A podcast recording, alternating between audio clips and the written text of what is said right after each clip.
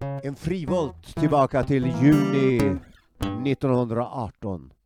Det var så behagligt att andas just den försommaren.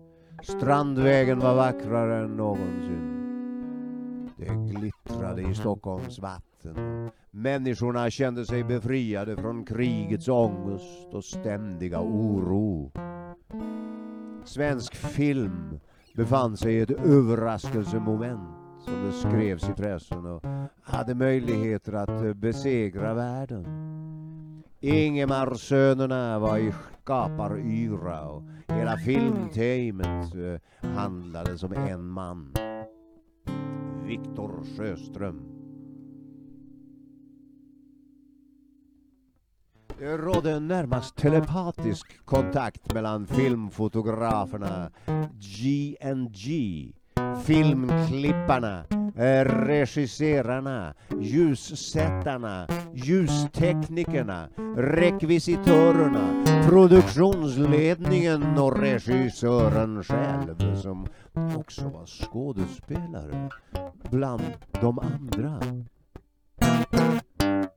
Filmerna blev snabbt fullbordade och kunde exporteras. Stumfilmen var idealisk som internationell kulturförmedling. Det var bara texterna som behövde översättas. Jag blev förvånad över hur impopulär svensk tyskvänlighet var i England och Frankrike de här åren efter kriget. Både Terje Wigen och Berg-Eivin blev succéer i London och Paris. Men först sedan de svenska skådespelarnamnen och all annan koppling till Sverige tagits bort från affischerna. Det var helt enkelt omöjligt att dra åskådare i dessa städer till något svenskt. Hur tekniskt avancerat det än var. Det skulle vi min själ ändra på. Jerusalem blev en stor satsning. Jag tänkte på morfar Forsman och hans sagolika otur. Det var något storslaget även i denna berättelse om en vurmande svensk exodus. Vi fick så olika typer som journalisten Oskar Hemberg, producenten Charles Magnusson i Svenska Bio före detta censurtjänstemannen Gustav Berg direktören Sven Boväng som gått genom Konstakademin och var driven landskapsmålare i Skandia. Poeten Daniel Fallström i Skandinavisk filmcentral att komma i samarbete för samma mål och i samma firma. Svensk filmindustri. Jerusalemscykeln blev Europas dittills största filmsatsning. Selma Lagerlöfs berättelser var som gjorda för stumfilmen och i den allmänna yran gjorde Moje Stiller sin allra bästa film, Herr Arnes penningar, som också blev en världssuccé. Moje själv åkte omkring i en gul 90 hästars packan och blev filmfurste med ens. Han gjorde av bara farten erotikon och visade att film kunde handla även om nutiden. De tunga mer eller mindre outtalade hot som lurade ut i Östersjön och i Nordsjön började försvinna. Vapenstillestånd, fred och äntligen olympiad igen. Efter de påtvingade uppehållet var det denna gång Antwerpen som tävlingarna gick av stapeln. Diamantstaden glittrade från sitt allra bästa. Juvelprocessioner och fest och karneval. Juvelen Juvelenstoet. Kvinnor skulle för första gången genom historien delta i olympiaden. Något vi hade propagerat för redan 1912 men inte fått igenom. Svensk filmindustri var som olympierna och alla andra i Sverige vid den här tiden på hugget.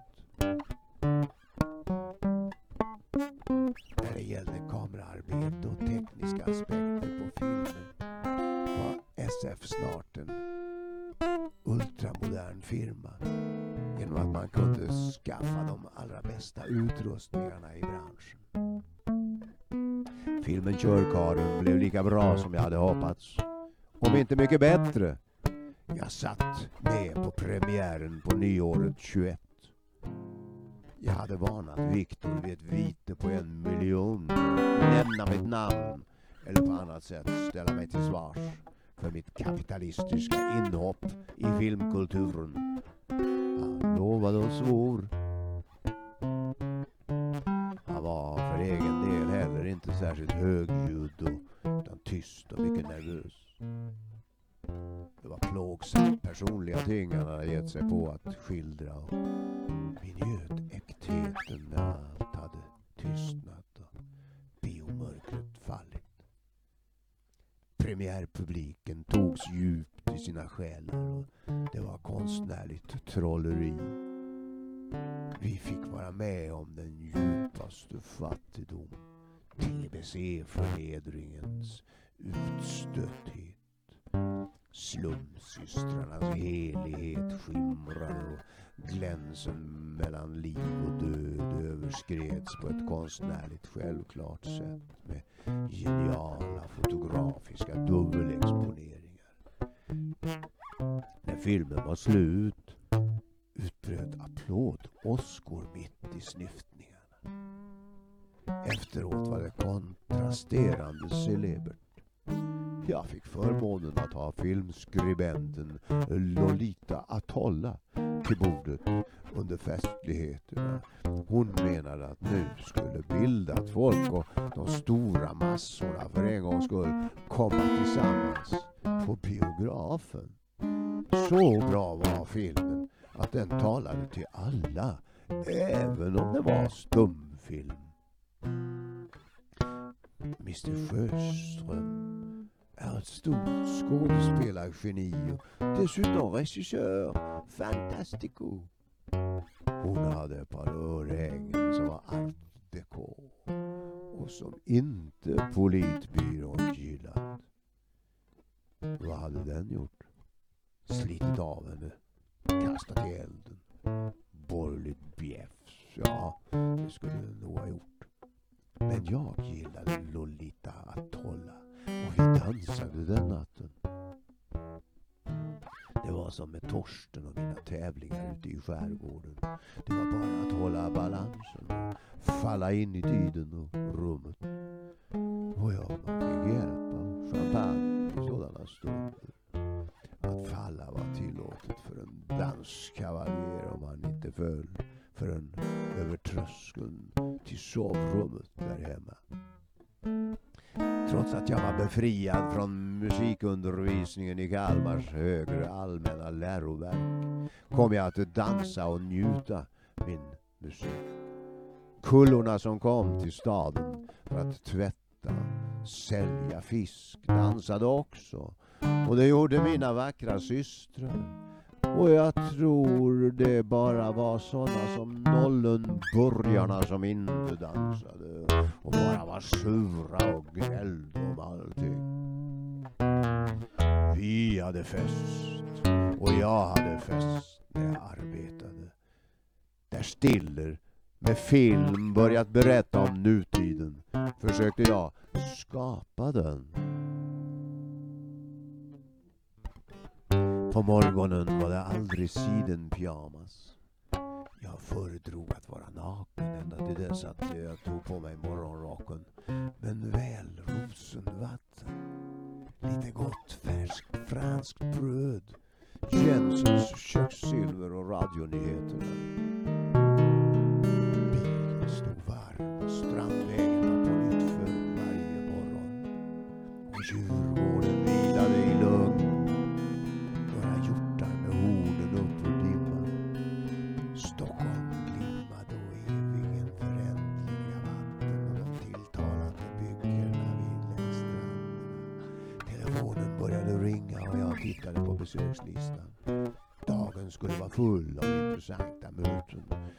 grupper ingenjörer och uppfinnare på förmiddagen. Film och bankfolk under eftermiddagen. I Hollywood kände man väl till reklammakaren Edvard Barnes som menade att tiden när man köper av behov är över och nu köper man efter vad man önskar istället. Önskade man köpa en T-Ford så skulle man kunna göra det.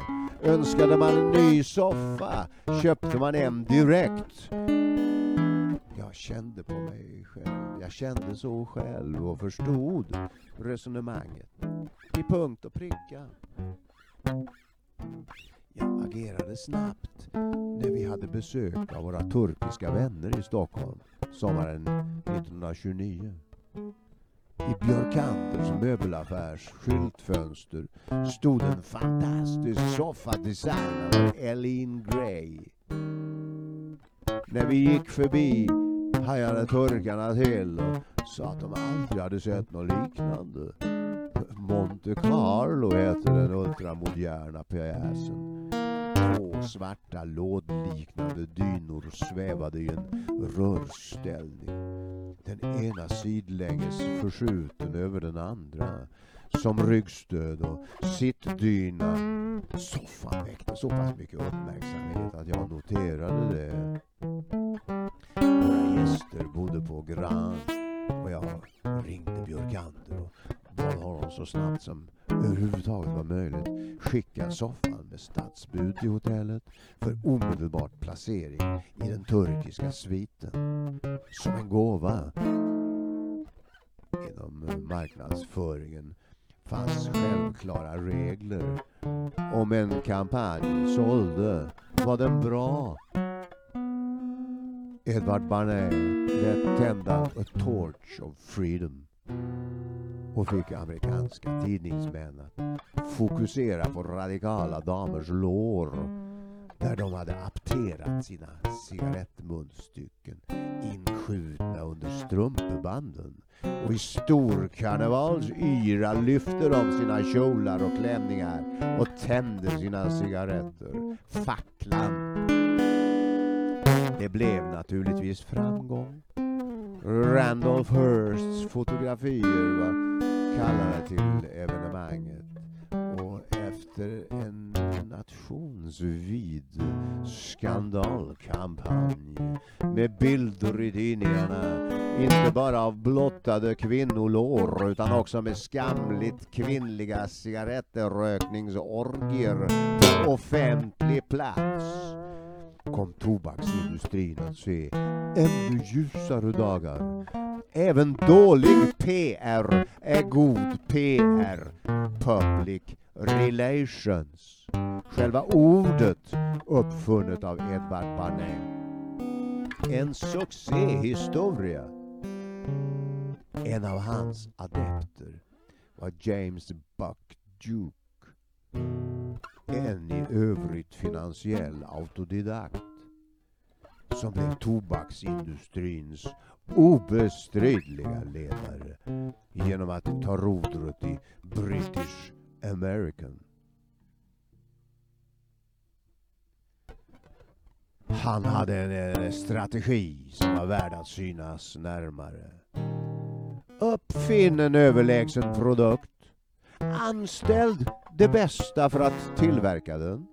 Prissätt den så lågt som möjligt och mekanisera, organisera och kommersialisera.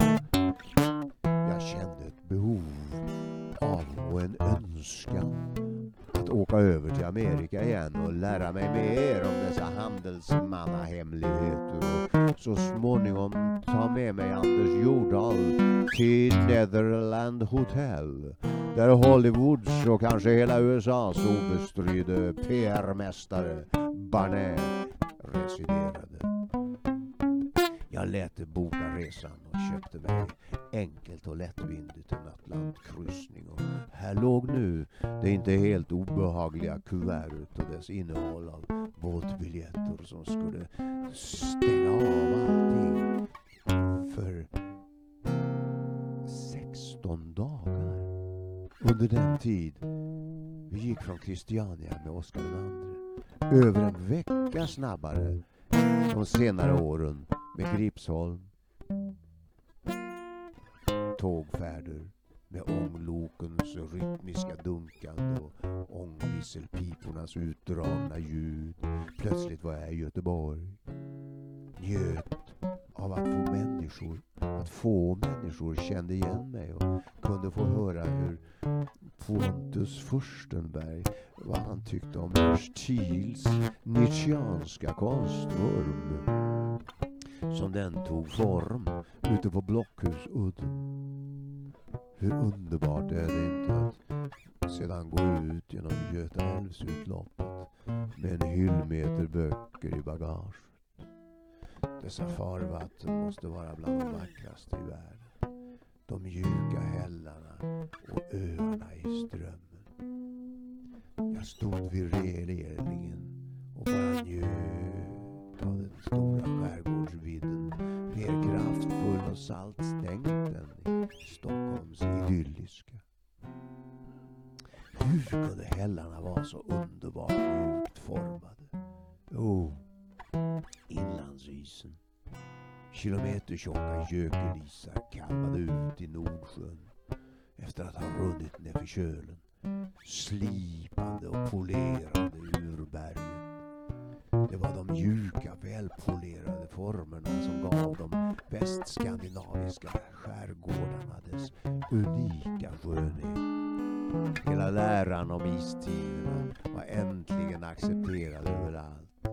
Men vilken tid det hade tagit vilket motstånd Louis Agassiz hade haft från första stund. Han försökte bevisa dess existens. Syndafloden var det ju. Det stod ju att läsa i Bibeln. Och inga isar. Han stod länge som de lärde kardinalerna inför Galileis kikare och vägrade titta när Agassiz pekade på parallella slipspår som om en ofantlig hyvel gått fram över berghälarna längs alla de svenska kusterna. Von Post, De Geer sedan med de slutliga bevisen för hur landet dramatiskt stigit när den tunga inlandsisen smält undan. Pollenanalys, varviga leror, analys och grafisk noggrannhet. Det var inte någon vattuminskning som han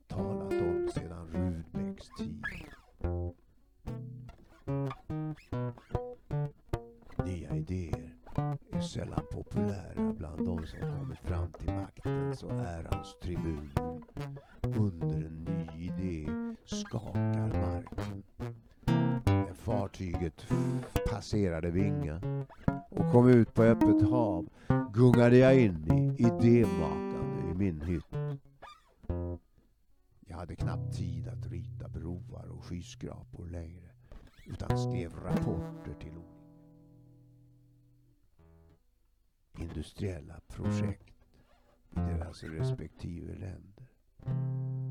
Från internationella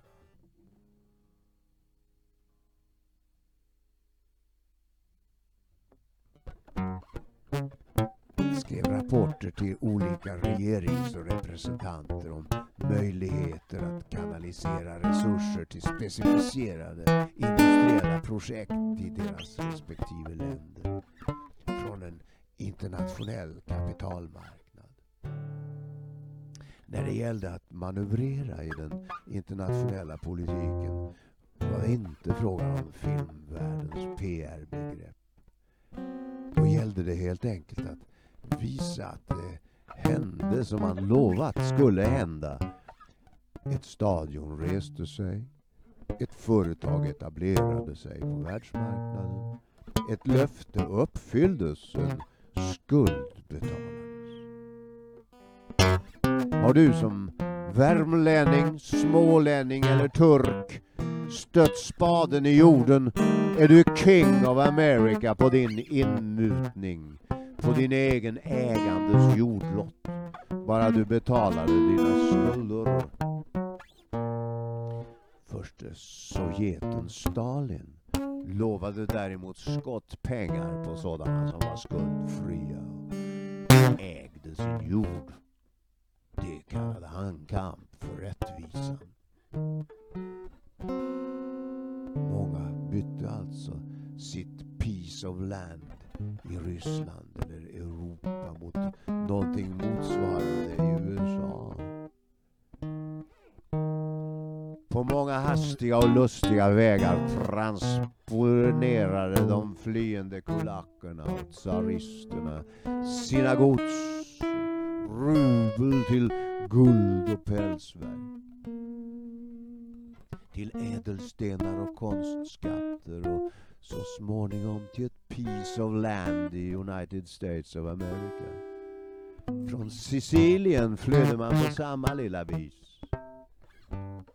Sålunda dränerades kapitalet ut ur kommunismens och fascismens och regioner och genomgick en sagolik metamorfos och blev till tomtmark och industrier längs de amerikanska kusterna som översköljdes av guld i denna våg av uppköping. Uppkäftiga var de där också dessutom uppmärksamma. Men fåga, föga uppblåsta. Amerikanerna gillade vilda historier och utsikt över stora vatten. Viktor Sjöström hade en fantastisk svada när han drog på. Det tillhörde favoritnöjena i Hollywood att köra honom runt bland kustvillorna. Han var till och med välkommen i Hursts slott. Han kunde improvisera sina Ibsen, Hamlet-repliker så filmstjärnorna skrattade och tjöt. Anders Jordahl och jag transporterade honom när han äntligen hade accepterat att komma till Hollywood minst sagt ståndsmässigt. Och vi hamnade hos äktaparet paret Douglas Fairbanks och Murray Pickford som charmades under en middag eh, som gick av stapeln i deras egen villa Pickfair där vi kunde ta ett bad i Beverly Hills första swimmingpool och beundra en lång rad kinesiska antikviteter, möbler från Barbarinis palats och ta en drink i en klassisk western bar med målningar och skulpturer av Fredrik Remington. Vi upptäckte det ena mer kända ansiktet efter det andra under kvällens lopp och medan Sjöström fick sin bordsända inkluderade Elior Glynn och Amelia Earhart. Och fick dem att brista ut i skrattsalvor satt jag vid andra änden av det långa bordet och diskuterade Swedenborgs eh, Clavis hieroglyphica” med Helen Keller, hennes personliga assistent som antagligen var upprörd av Anne Sullivan skrev mina ord i hennes hand och hon svarade klart och tydligt. Helen kunde också känna på min hals och förstod vad jag sa. På något sätt kunde hon. Tolka mina stämbands vibrationer. Hon berättade att det var Alexander Graham Bell, uppfinnaren av telefonen och känd dövstumslärare vid sekelskiftet som hade gett hennes föräldrar rådet att söka hjälp av Anne Sullivan. Hon verkade överraskad över att jag hade synpunkter på korrespondensläran och att jag kunde referera till egna upplevelser där naturliga ting representerade andliga ting och att eh, mitt samlande av konst och konsthantverk egentligen representerade sådana korrespondenser. När Mary Pickford och Douglas Fairbanks sedan på min inbjudan kom till Stockholm for vi ut till Ängsholmen och jag visade dem mina vackraste hårdföra rosor. De blev överförtjusta i den vida skärgården i sommarsol och tjoade och skrek när de fick syn på örnarna över Sandhamn. De hade aldrig i sitt liv sett så många öar, kobbar och skär. Så vackra vindskulpterade träd, trånga fjordar och vikar. Längs Kaliforniens kust fanns ingen skärgård. Mary var liten och mycket vacker var hela världens lilla älskarinna. Och vi rodde ut i soluppgången och njöt skärgårdsmorgon tillsammans. Douglas sov och snarkade i paviljongen. Flyga icke våra ör snabbt som örnar.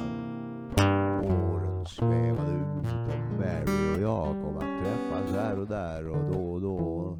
Jag undrar ibland hur det hade varit att bara sväva ut i ballett. Som Jean Berlin. Eller som Victor Sjöström gjorde när han kom på scenen. Svävade ut i sin roll. Han förvandlades och man såg att han liksom fick frid från sig själv och självkritiken. Likadant var det med Lars Hansson från Göteborg och den benådade Gösta Ekman från Stockholm. De gick in i sina roller med sådan intensitet att de försvann ut ur sig själva. Mary Pickford försvann tillbaks till Hollywood och sitt mycket framgångsrika arbete. Inte bara som skådespelare utan också som producent. Jag gick till mina broar. Där försvann jag. Även om det allt mer kom att gälla broar för guld mer än broar för rullande tonnage. Jag såg möjligheten att spänna broar över Atlanten och de få amerikanerna att återinvestera och att få amerikanerna att återinvestera det som strömmat in i landet där det behövdes som allra mest. När jag kom till en del tyska städer tänkte jag att det vore ju fasansfullt om man en dag kom hem till Stockholm och det såg likadant ut där. Långa rader av hyreskaserner likt bebodda fängelsemurar och ritade av Gropius efter bombningarna. Hur länge har Stockholms klarat sig? Slaget vid Brunkeberg, ryska krigsskepp sänkta vid Stäket, Stockholms blodbad. Det har varit en del skärmytslingar sedan vikingatiden men inte några större eldstormar inte. Det var väl när hundarna brände våra trakter som det senaste verkligt stora eländet drabbade göter och svear. Ryssarnas brandskattning längs Östersjökusten när stormaktstiden var över var trots allt relativt begränsad. Inte ens danskarna fick greppet om Stockholmen, den gamla handelsplatsen. Hon ligger bra skyddad där, Stockholm i sitt vattenrike. Sin arkipelag och Mälarvik. När jag flög över Stockholm första gången i klart väder var jag alldeles tagen i flera dagar. Skönheten är en verkligt regenerativ kraft. God arkitektur skapar en känsla av det goda.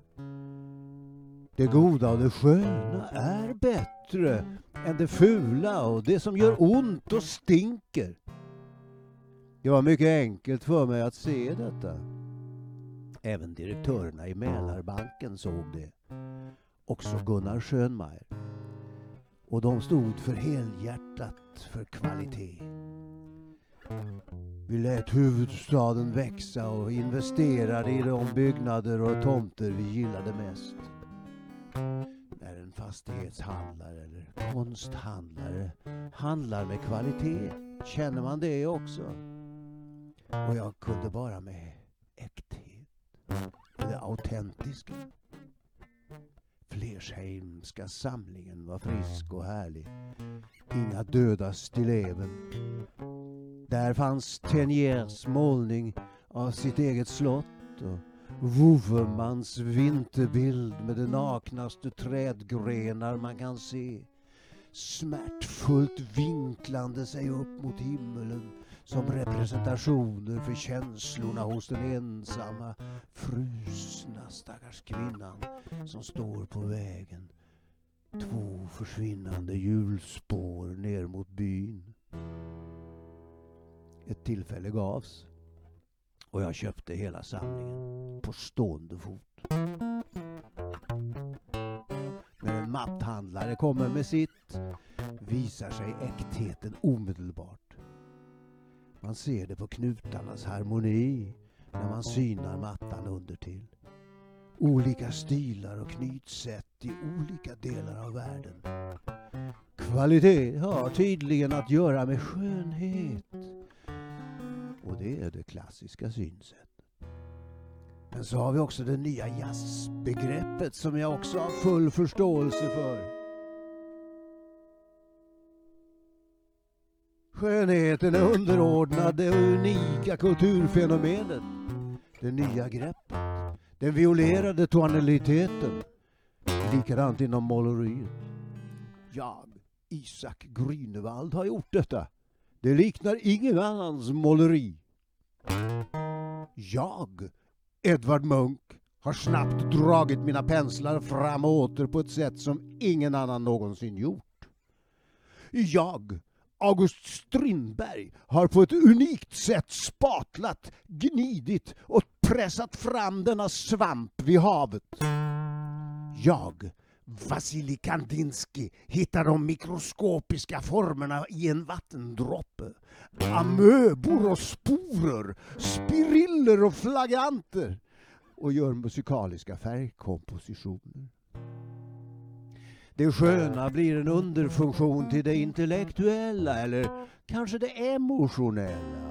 Eh, blir till estetik och jämställs än en gång med etiken som ju tidigare kallades kärleken och är en av filosofen Spinozas kärlek till en gud på vissa håll och av körkarlen Stalins materialistiska dialektik dialektik på den andra. När Munk målade den sjuka flickan på sin dödsbädd på ett sätt som var sanningen smärtsamt när kunde man inte annat än ge sig. Det var äkta konst. Vad man än kallade stilarten eller filosofin bakom. När Karl XV Johan Karl XIV Johan fick in Norge i en union med Sverige var det också ett äkta konststycke. Norrmännen som kände sig handlade med som vilken vara som helst av tsar Alexander lät det mer eller mindre frivilligt ske för att slippa danskarna. De fick också behålla sina egna lagar och var i grunden rätt förnöjda med utvecklingen. De lärde sig att tycka om Karl Johan. De fick en länge accepterad och acceptabel självbestämmanderätt i enlighet med en frankofil, väluppfostrad svensk imperialistisk tradition. Sedan Kristian VIIs tid hade danskarna drivit de norska silvergruvorna i Kongsberg på ett sätt som liknade slavarbete och svenskarna togs emot som en betydligt vänligare överhet det var först med Nollenbergska metoder det började hårdna igen. Konstnärerna på bägge sidor av kölen kallade sig nordiska och träffades i Berlin och i Paris och de hade på allvar antagit utmaningen om broderskapet som ett av franska revolutionens tre viktigaste mänskliga begrepp. Men med upprinnelse till det rysk-japanska kriget blev det direkta cirkumpolera, cirkumpolära förhårdningar som spred sig ända ner till Christiania och Drammensfjorden. Det blev en inre istid. Unionen frös sönder med bildandet av Norsk Hydroelektrisk Kvävestoffaktiesällskap. Inte ens ljusbågens fabulösa energiutveckling kunde hindra denna köldknäpp. Och Nollenburgarna satsade iskallt, beräknande på syrerika kväveföreningar. Den norska nationalkänslan föddes på nytt. Ju snålare svenskar de möttes, mötte vid Europas största kraftverk i Svälgfors.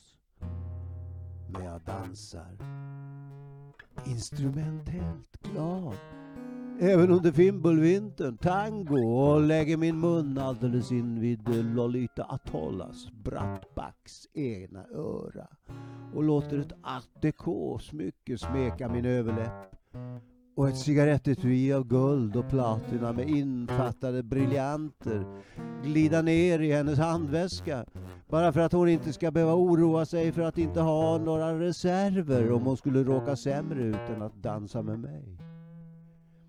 Söta, goda lilla Lolita. Konstigt nog står jag ut med visionen av henne. Hon med det stora håret. När jag dansar tango. Kommer loss från sin viloplats och kommer till mig i dessa rytmer.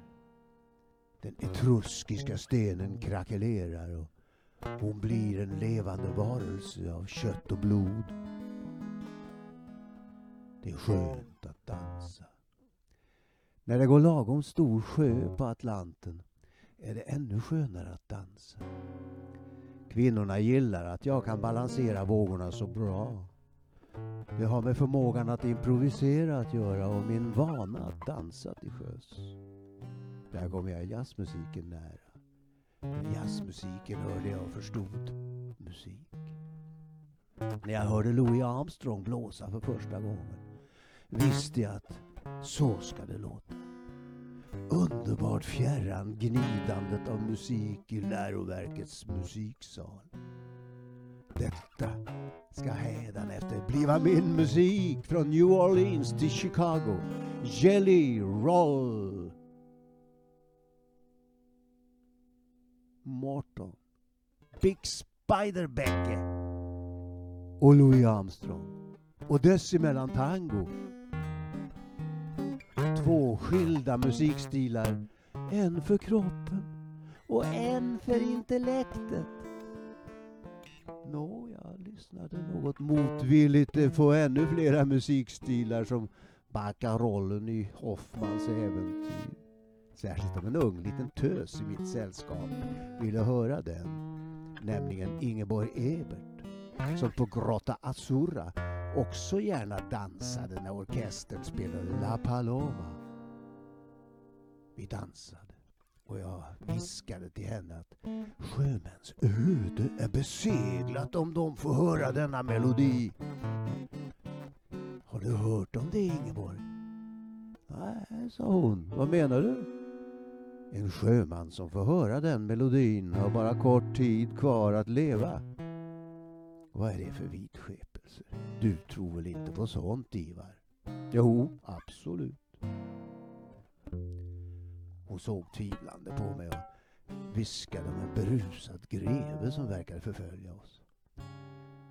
Jag var van vid att dansa undan men den här individen kom fram till bordet efter dansen och påstod att jag började likna en stor ost.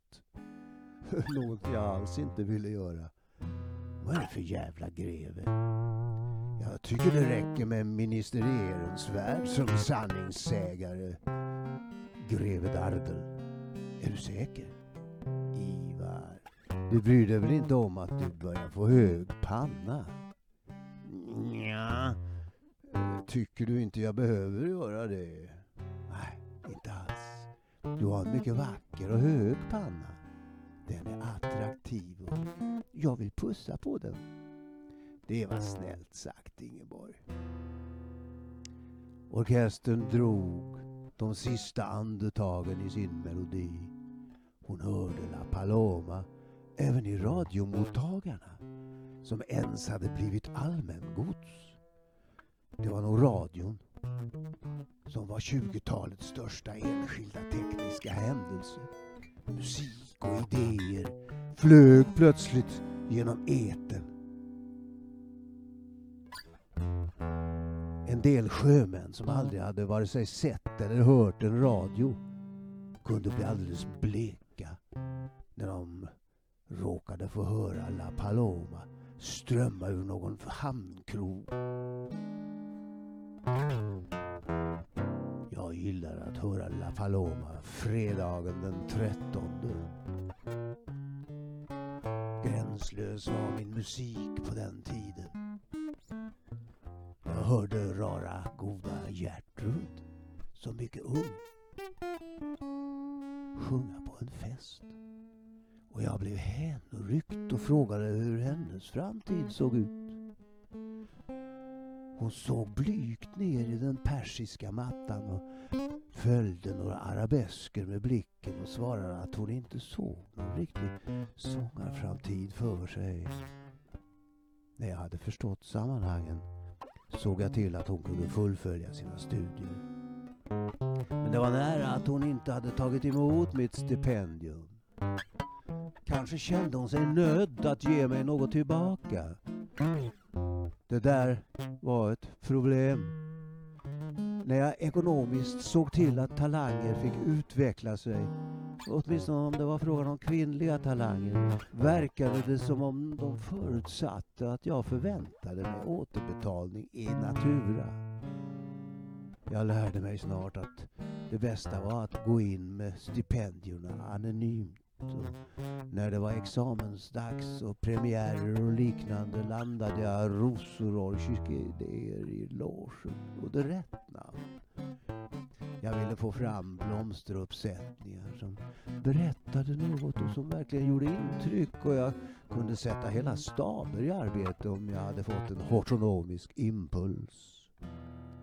Nadev hajedua Låt det växa blommor där det blommor aldrig vuxit förr.